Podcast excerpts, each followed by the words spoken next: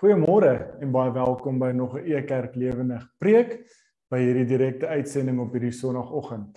Mag God verheerlik word deur ons byeenkoms, digitale byeenkoms vanoggend en mag ons God beleef en ervaar terwyl ons by sy voete sit en hoor wat sy wil is vir ons lewens. Amen. Hoe sal iemand jou lewensloop beskryf? Hoe sal iemand wat jou ken, kollega, sê of ver, ver, uh, verduidelik hoe jy die lewe doen, hoe jy die lewe loop? Sal iemand wat jou nie ken nie, wat nie weet of jy gelowige is nie, kan sê dat jy leef soos 'n gelowige, soos 'n kind van God? Dalk bietjie nader aan jou. Dink aan jou geloofsvriende, die mense saam met wie jy die lewe doen in jou geloofslewe. Hoe sal hulle jou geloof beskryf vir iemand anders? Ek wil graag vanoggend begin met hierdie vraag sodat ons onsself ook kan nader na hierdie boodskap toe. Maar ook onder andere omdat Paulus hierdie spesifieke, ek wil sê tema aanraak waarby ons vandag wil stil staan in die Kolossense brief. Nou Paulus, as ons Kolossense 1 gaan lees vanoggend, dan gaan ons hoor hy het self in persoon nog nie by die gemeente aangeklop nie. Hy het hulle nog nooit ontmoet nie. Maar dan hoor hy by Epifras van hoe hulle hulle lewe doen. Hy hoor van hulle lewensloop. So wil ek begin deur Kolossense 1 te lees. So indien jy jou Bybel saam uh, het en jy wil graag saam lees, gaan ons Kolossense 1 vanaf vers 3 lees. En um, ek lees ons graag deur die Nuwe Nuwe Testament Kolossense 1 vanaf vers 3. God is die Vader van ons Here Jesus Christus. Ons sê vir hom baie dankie. Ons doen dit altyd wanneer ons vir julle bid. Ons het gehoor van julle geloof in Jesus Christus en van julle liefde vir al die heiliges, almal wat aan God behoort. Hierdie geloof en liefde spruit voort uit julle vaste hoop. Dit word in die hemel vir julle weggebêre. Vroeger, vroeger het julle van hierdie hoop gehoor toe die waarheid aan julle bekend gemaak is. Hierdie waarheid is die evangelie van Christus. Dit is nou daar tussen julle aanwesig, reg oor die wêreld, maar ook tussen julle dra die evangelie groot vrug. Dit gebeur vanaf die heel eerste dag dat julle dit gehoor het. Toe het julle God se genade leer ken. Toe het julle geweet dit is die waarheid. Epafras het die evangelie vir julle geleer. Hy is 'n mededienskneg van ons in die Here se diens. Ons is baie lief vir hom. Hy's ook 'n getroue bediende van Christus namens ons. Hy het vir ons vertel van die liefde wat daar in julle lewens aanwesig is. Dit kom van die Gees af. Ons gaan nou verder lees, maar ons hoor in hierdie inleidende brief wat Paulus aan die gemeente in Kolosse skryf, dan hoor hy hy verduidelik hy getuig amper as te ware nê nee, van hierdie gemeente in Kolosse van hulle geloof hulle liefde en hulle hoop. En dit is alles wat hy gehoor het by Epafras hulle hulle dienskneg hulle hulle dominee as ons dit so kan stel. Nou dis belangrik en as ons bietjie nader beweeg na die vraag toe dan hoor ons die die drie goed wat hy hoor by Epafras van hierdie gemeente En dit klink baie bekend, nê, nee, as ons na 1 Korintiërs 13 gaan kyk, geloof, hoop en liefde. Maar tog hier beskryf hy dit of die volgorde is dalk eerder anders vanoggend. So hy begin deur te sê hy hoor van hulle geloof in Jesus Christus. Dis die eerste ding wat hy van hoor. En ek kan as te ware dink dis wat hy dalk die meeste wat uitgestaan het as Epafras vertel het van hierdie gemeente in Kolosse. Wat sal die mense sê van jou geloof in Jesus Christus? Tweedens sien ons dat hierdie geloof is nie alleen waarvan hy getuig of waarvan hy gehoor het nie. Hy hoor ook van die liefde wat hulle vir mekaar het. So so mooi getuienis. Ek hoor van die geloof wat julle gegrond is in Jesus Christus en dat julle hierdie liefde uitleef na mekaar toe. En dan derdens, hierdie geloof en liefde is gebou op 'n fondasie van hoop. Nou dit klink so bekend, nê? Nee, dit klink so asof jy dit al so baie gehoor het, geloof, hoop en liefde. Maar tog help Paulus ons hier in Kolossense 1 deur net weer amper wil ek as te ware sê net vir onsself vra, hoe sien ons hoop? Want ons sien hier, die hoop is die fondasie. As ons nie 'n regte verstaan van God se hoop, 'n goddelike verstaan van hoop het nie, dan gaan ons geloof anders lyk, dan gaan ons liefde dalk ook anders lyk. Nou hoop het ongelukkig so in ons samelewing, wil ek amper sê ingeweef in ons alledaagse dat ons vir alles hoop. En ek wil sover gaan om te sê ons as gelowiges en dalk eerder moet ek sê ek as peer hoop raak baie maklik vir ons iets wat ons verwag. Hoop is iets verwagtend. Ons verwag daar gaan nie load shedding wees nie. Ons verwag die petrolprys moet dieselfde bly. Ons verwag die land moet dieselfde wees soos wat dit 20 jaar terug was. So ons verwag iets, ons skep verwagting. Sodra daai verwagting nie realiseer nie, dan verloor ons hoop. Dan is ons hopeloos. Dan is al wat ons kan sê is ons hoop daarom net ons het vlak 2 beerkrag in plaas van 6. Ten minste het ons daarom nog petrol in die land. Nou ek wil nie hê ons moet moedeloos raak nie, maar vra jouself af, hoe en wat sien jy as hoop? En ek moet getuig dis verwagtend. Ek verwag iets moet uitdraai soos wat ek verwag. En as dit nie doen nie, dan verloor ek hoop. So nou wat ons hier hoor is dat Paulus vir ons help om te sê hoop is eerstens nie iets wat ons in ons konteks en ons of ons in 'n situasie moet koppel nie. Want hoop vir Paulus is 'n persoon. Hoop is Jesus Christus. Het jy het jy gehoor? Hoop is Jesus Christus. En dit dit is nie net 'n persoon wat ons mekaar kan sê en dan gaan ons aan nie. Hoop is iets wat ons in die verlede beleef, ervaar het aan ons lyf deur die feit dat Jesus gehoorsaam was aan God en dat hy sy liefde vir my en jou gewys het deur te sterf aan die kruis. So daai hoop het jy al reeds beleef in jou lewe want jy kan 'n Christen genoem word. Jy's nie meer geïdentifiseer as 'n sondaar nie as ons na die Romeine brief kyk. Ja, ons doen nog sonde, maar ons identiteit is gegrond in wat Christus vir my en jou kom doen het. Dit is daai hoop wat ons as reeds beleef het, gevoel het. Jesus Christus het ons hoop gegee. Ons is nuwe mense. Daai hoop hoor ons ook hier by Paulus en ons gaan dit hierna weer hoor as ons verder lees vanaf vers 9 dat hierdie hoop ook iets toekomstig is. Hy sê dit so mooi vir ons. Hoop is vir ons weggebere. Dis 'n erfporsie wat ons gaan beleef, ervaar as ons eendag in 'n ewige lewe in die ewigheid saam met God wees. Dan gaan ons nie meer in hierdie donker wêreld en sukkel met pyne en skete en beerdkrag en goed wat ons hoop steel nie. Dan gaan nie meer pyn wees nie. Dan gaan nie meer trane wees nie. Dit gaan 'n fees wees wat ons gaan by God, ons Vader, ons Skepper wees. So hierdie hoop is iets wat ons alreeds beleef het in die verlede. Dis iets wat ons ook kan sien in die toekoms wat vir ons weggeberg is. Maar tog beleef en ervaar ons ook dat ons hier en nou sukkel met. Dat ons dalk die eerste mense is wat hopeloos raak om 'n braaivleisvuur oor die stand van sake in Suid-Afrika. En dis een iets wat ons mekaar moet vra. Sal hulle praat van dat jy hopeloos is? Jy's die een wat eerste kla oor die hoop, die verwagting wat jy gehad het en realiseer dit nie of kan mense getuig van jou hoop wat jy het en dat dit in Jesus Christus is.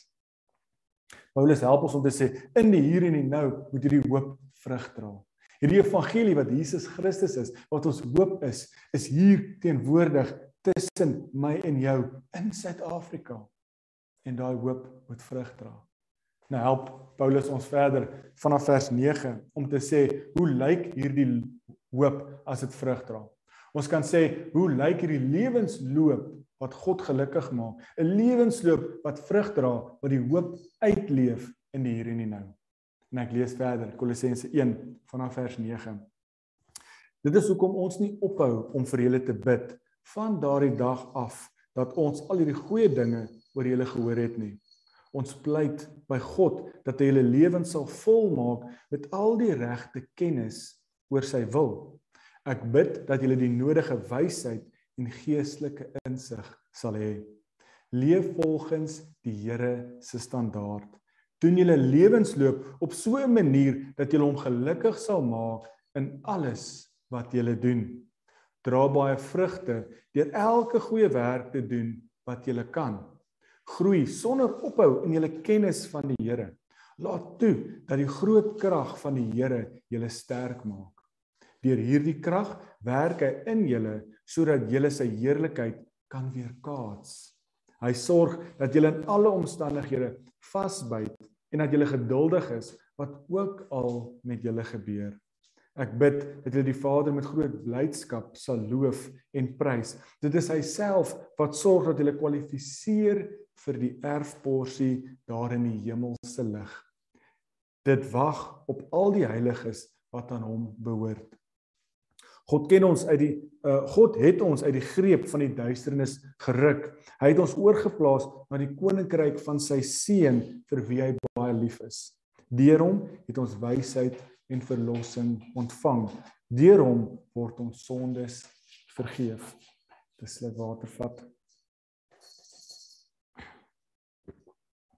So Paulus help ons verder deur hier te sê hoop is nie slegs iets wat ons alreeds beleef het en 'n nuwe identiteit het nie. Hoop is nie net iets wat uit genade uit vir ons gegee is nie. Hoop is nie net iets wat sê in die toekoms gaan ons hierdie erfporsie beleef en ervaar nie. Maar in die hier en die nou sê Paulus in mooi woorde, leef volgens God se standaard. Hoe lyk 'n lewensloop wat God gelukkig sal maak? En hy gee vir ons 'n paar riglyne.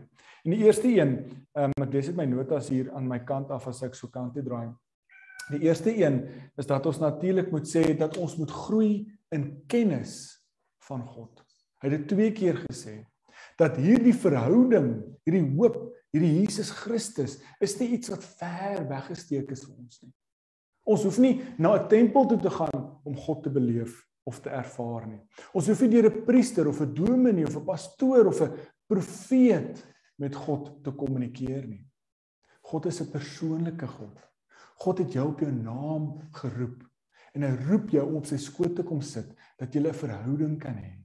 Dat ons sy woord kan lees en ons weet hy as outeur is teenwoordig terwyl ons sy woord lees. So ons hoef nie 'n legkaart te bou of 'n sleutel te kry om oop te sluit nie. God openbaar hom in die verlede, in die hede en in die toekoms. Hoe wonderlik is dit hierdie genade geskenk dat ons nie beleef nie.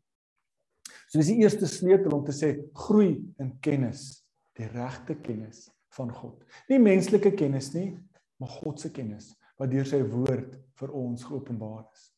En dis hoekom ons hier vanoggend saam sit en na hierdie preek luister. Want so God hom openbaar deur sy woord terwyl ons by sy voete sit.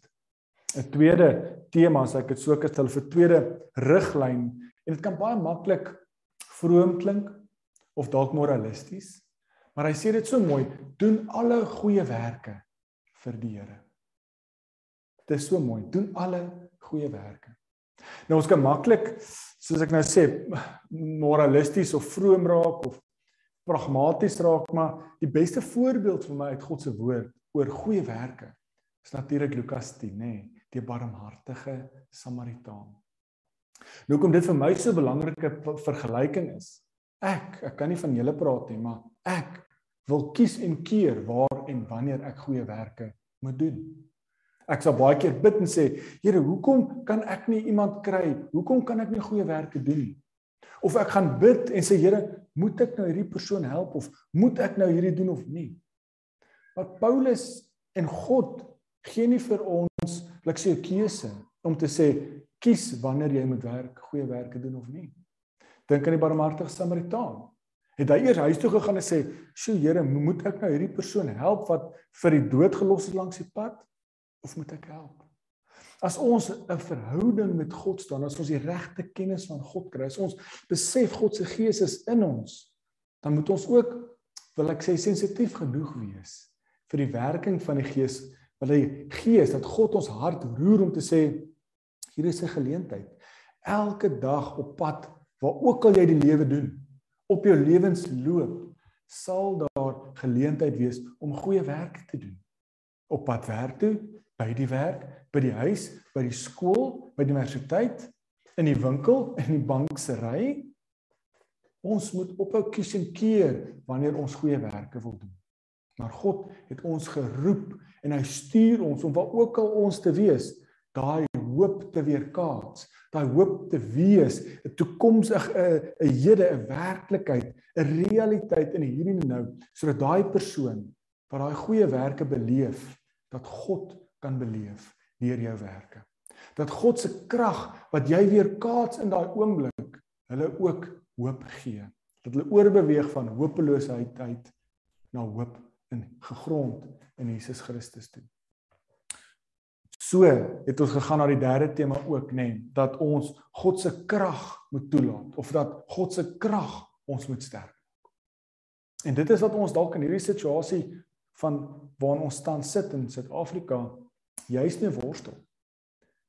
Maar ons wil uit ons eie uit krag kry. Ons wil ons eie krag so ek kan amper sê koppel aan die verwagting, nê. Nee, hoop en krag is op 'n manier vir my en my lewe baie lynreg eh, eweredig. So wat God hier sê is uh, wat Paulus hier vir ons sê is laat God jou krag wees in alle omstandighede. En ek is net jammer vir hierdie vergelyking, maar Paulus gebruik die beeld vir later in 2 eh, in die Korintiërsbriewe. Die vraag is waar is jy ingeprop? Jy waar wat is jou kragbron? Wat gee jou krag? Wat gee jou hoop? Ons het nou gepraat van die verwagting, die konteks, die situasie of is ons ingeprop by die hemelse kragbron?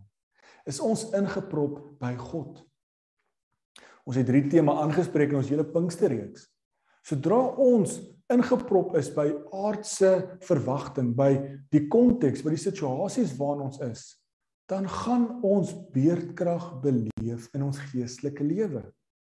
Want as jy hopeloosheid beleef, ervaar, as jy iets verwag het en dit realiseer nie so nie, dan gaan jy voel, maar hoekom het God dit nie laat realiseer nie?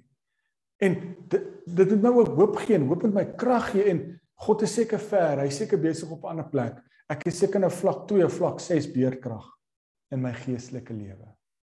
Dit is die gevaar dat ons hierdie wipplank ry van beerkrag in ons geestelike lewe. Miskien is dit omdat jy nie op die regte plek ingeprop is nie.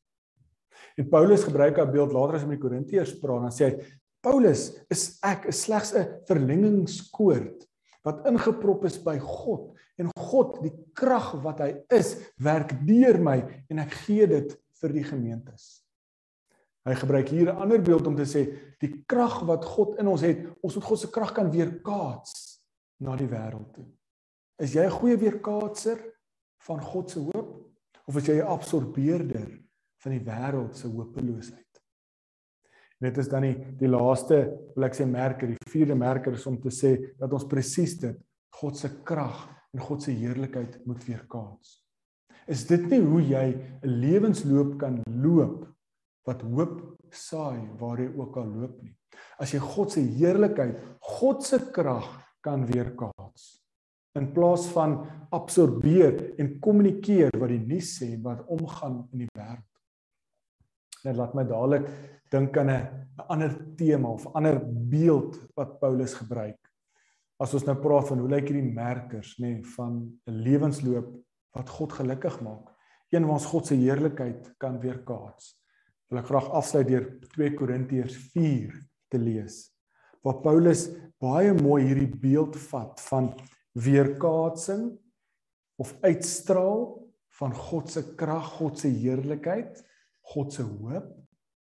Maar ook dat hy besef dat die realiteit, die konteks, die hier en die nou, die hede waarin ek en jy sit, maak dit nie maklik nie. Maar hy gee vir ons 'n sleutel. 2 Korintiërs 4 vanaf vers 7. Ons is soos kleipotte waarin hierdie kosbare skat van die evangelie gestoor word. Al die krag en al die oorvloed behoort aan God. Dit alles kom van hom af, nie van onsself af nie. In alles wat ons doen, beleef ons teenstand. Nogtans spat ons lewe nie uitmekaar uit nie. Ons ken nie al die antwoorde nie. Nogtans is ons totaal en al nie radeloos nie. Ons word vervolg. Nogtans word ons nie deur God in die steek gelaat nie. Ons word onderste bo geloop nogtans word ons nie stikkend gebreek nie. Altyd dra ons Jesus se eie lyding en dood saam met ons eie lyf. Ons is gedurig in lewensgevaar, net soos hy. Nogtans word die nuwe lewe van Jesus ook sigbaar in ons eie lyf. Heeltyd word ons wat nog leef uitgelewer om doodgemaak te word. Dit gebeur omdat ons Jesus navolg. Nogtans word sy nuwe lewe ook sigbaar in hierdie sterflike lyf van ons. Dit is duidelik dat die dood in ons lewe aan die werk is, maar dit is ook duidelik dat nuwe lewe aan die werk is in julle.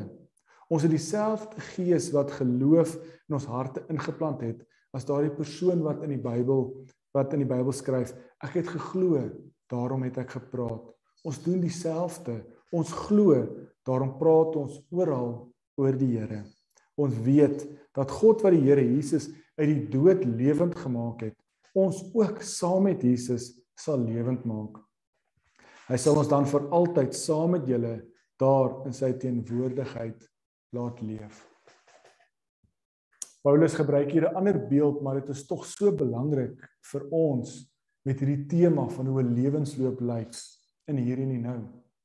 Paulus gebruik dit so mooi sê ons is maar net kleipotte, daai mooi beeld.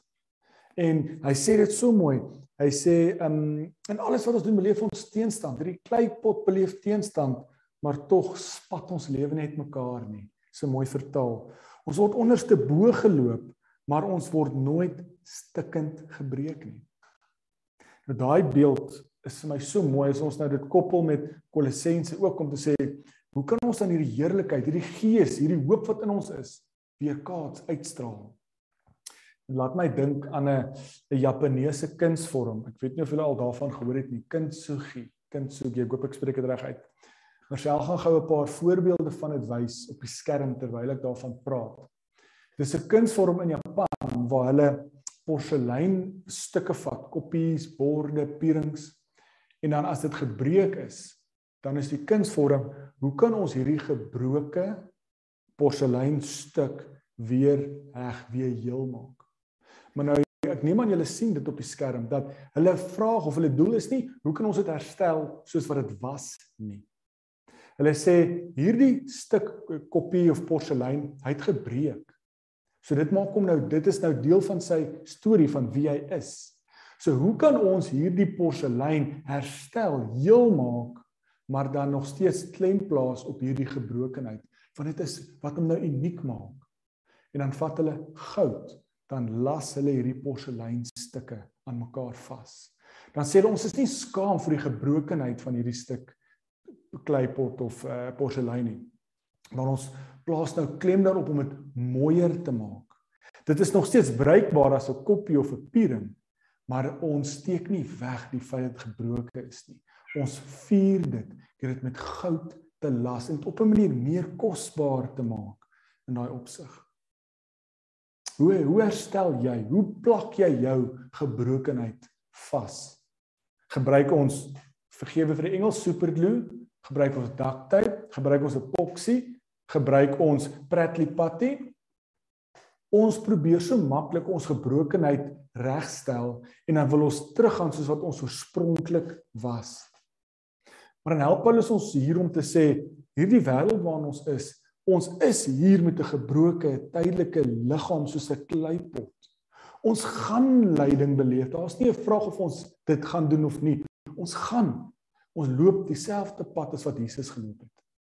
Maar ons moenie skaam wees vir hierdie seere, vir hierdie wonde, vir hierdie gebrokenheid in ons lewe nie. Dit moenie so ons identiteit raak dat ons martelaars raak nie, maar ons moet dit herstel deur hemelse goud sodat ons wonde letsels kan word. En dat deur hierdie letsels groei ons in ons karakter, in ons persoon, in ons verhouding met God dat ons kan sê ja, ek is gebroken, maar ek is nie stikkend nie. God het my heel gemaak en ek kan deur hierdie verhaal, deur hierdie gebrokenheid van my, God se heerlikheid weerkaats. God se krag weerspieël, hoop uitstraal vir hierdie donker, gebroke wêreld. Mag jy vanoggend by God en God se werkswinkel instap en mag hy jou gebrokenheid herstel met hemelse goud. Mag hy dit genees deur te sê, gaan leef die wêreld en gaan leef, gaan weer kaats, gaan straal my hoop uit. My gees wat in jou is, wat vir jou gegee is. Wat saam met jou die lewe doen. Ek wat saam met jou die lewe doen. Waar ook al jy is, gaan doen 'n lewensloop, gaan leef 'n lewensloop wat God gelukkig maak. 'n Lewe wat volgens God se standaard geleef word. 'n Lewe wat hoop uitstraal in hierdie wêreld. Kom ons bid. Here, dankie vir die liefde, vir die genade, vir die feit dat U seun vir ons gestuur het om vir ons 'n nuwe identiteit te kom gee. Here, laat hierdie nuwe identiteit ook ons fondasie is vir hoop dat ons hoop nie iets is wat ons verwag nie, iets tydsliks, iets aardses nie, maar hoop is 'n persoon, is Jesus Christus. En Here, te danke aan wat Jesus vir ons kom doen het, is ons nou nuwe mense. En ons weet ons het 'n erfporsie wat vir ons weggebêre is in die ewige lewe. Dankie daarvoor. Help ons ook, Here, om in die hier en die nou ook te midde van hierdie donkerte, te midde van die klippe wat gegooi is, te midde van die moeilikheid waarin ons sit, sodat ons ook in hierdie oomblikke hoop kan beleef, ervaar en kan uitstraal dat ons lewensloop loop wat U gelukkig, U tevrede maak. Vra dit natuurlik nie omdat ons dit verdien nie, Heer, maar alleen uit U groot en heilige naam. Amen. Baie baie dankie dat jy ingeskakel het. Ons uh Bybelreis is eerskomende Vrydag weer skop hy af aan die uh, skoolvakansie is verby. En natuurlik is ons Ekerk Lewendig Preke op Sondagoggende nog steeds volstoom aan die gang. Jy kan natuurlik op ons webtuiste kyk vir enige artikels of preke of Bybelskole wat jy gemis het. Mag jy 'n heerlike en geseënde dag verder hê. Totsiens.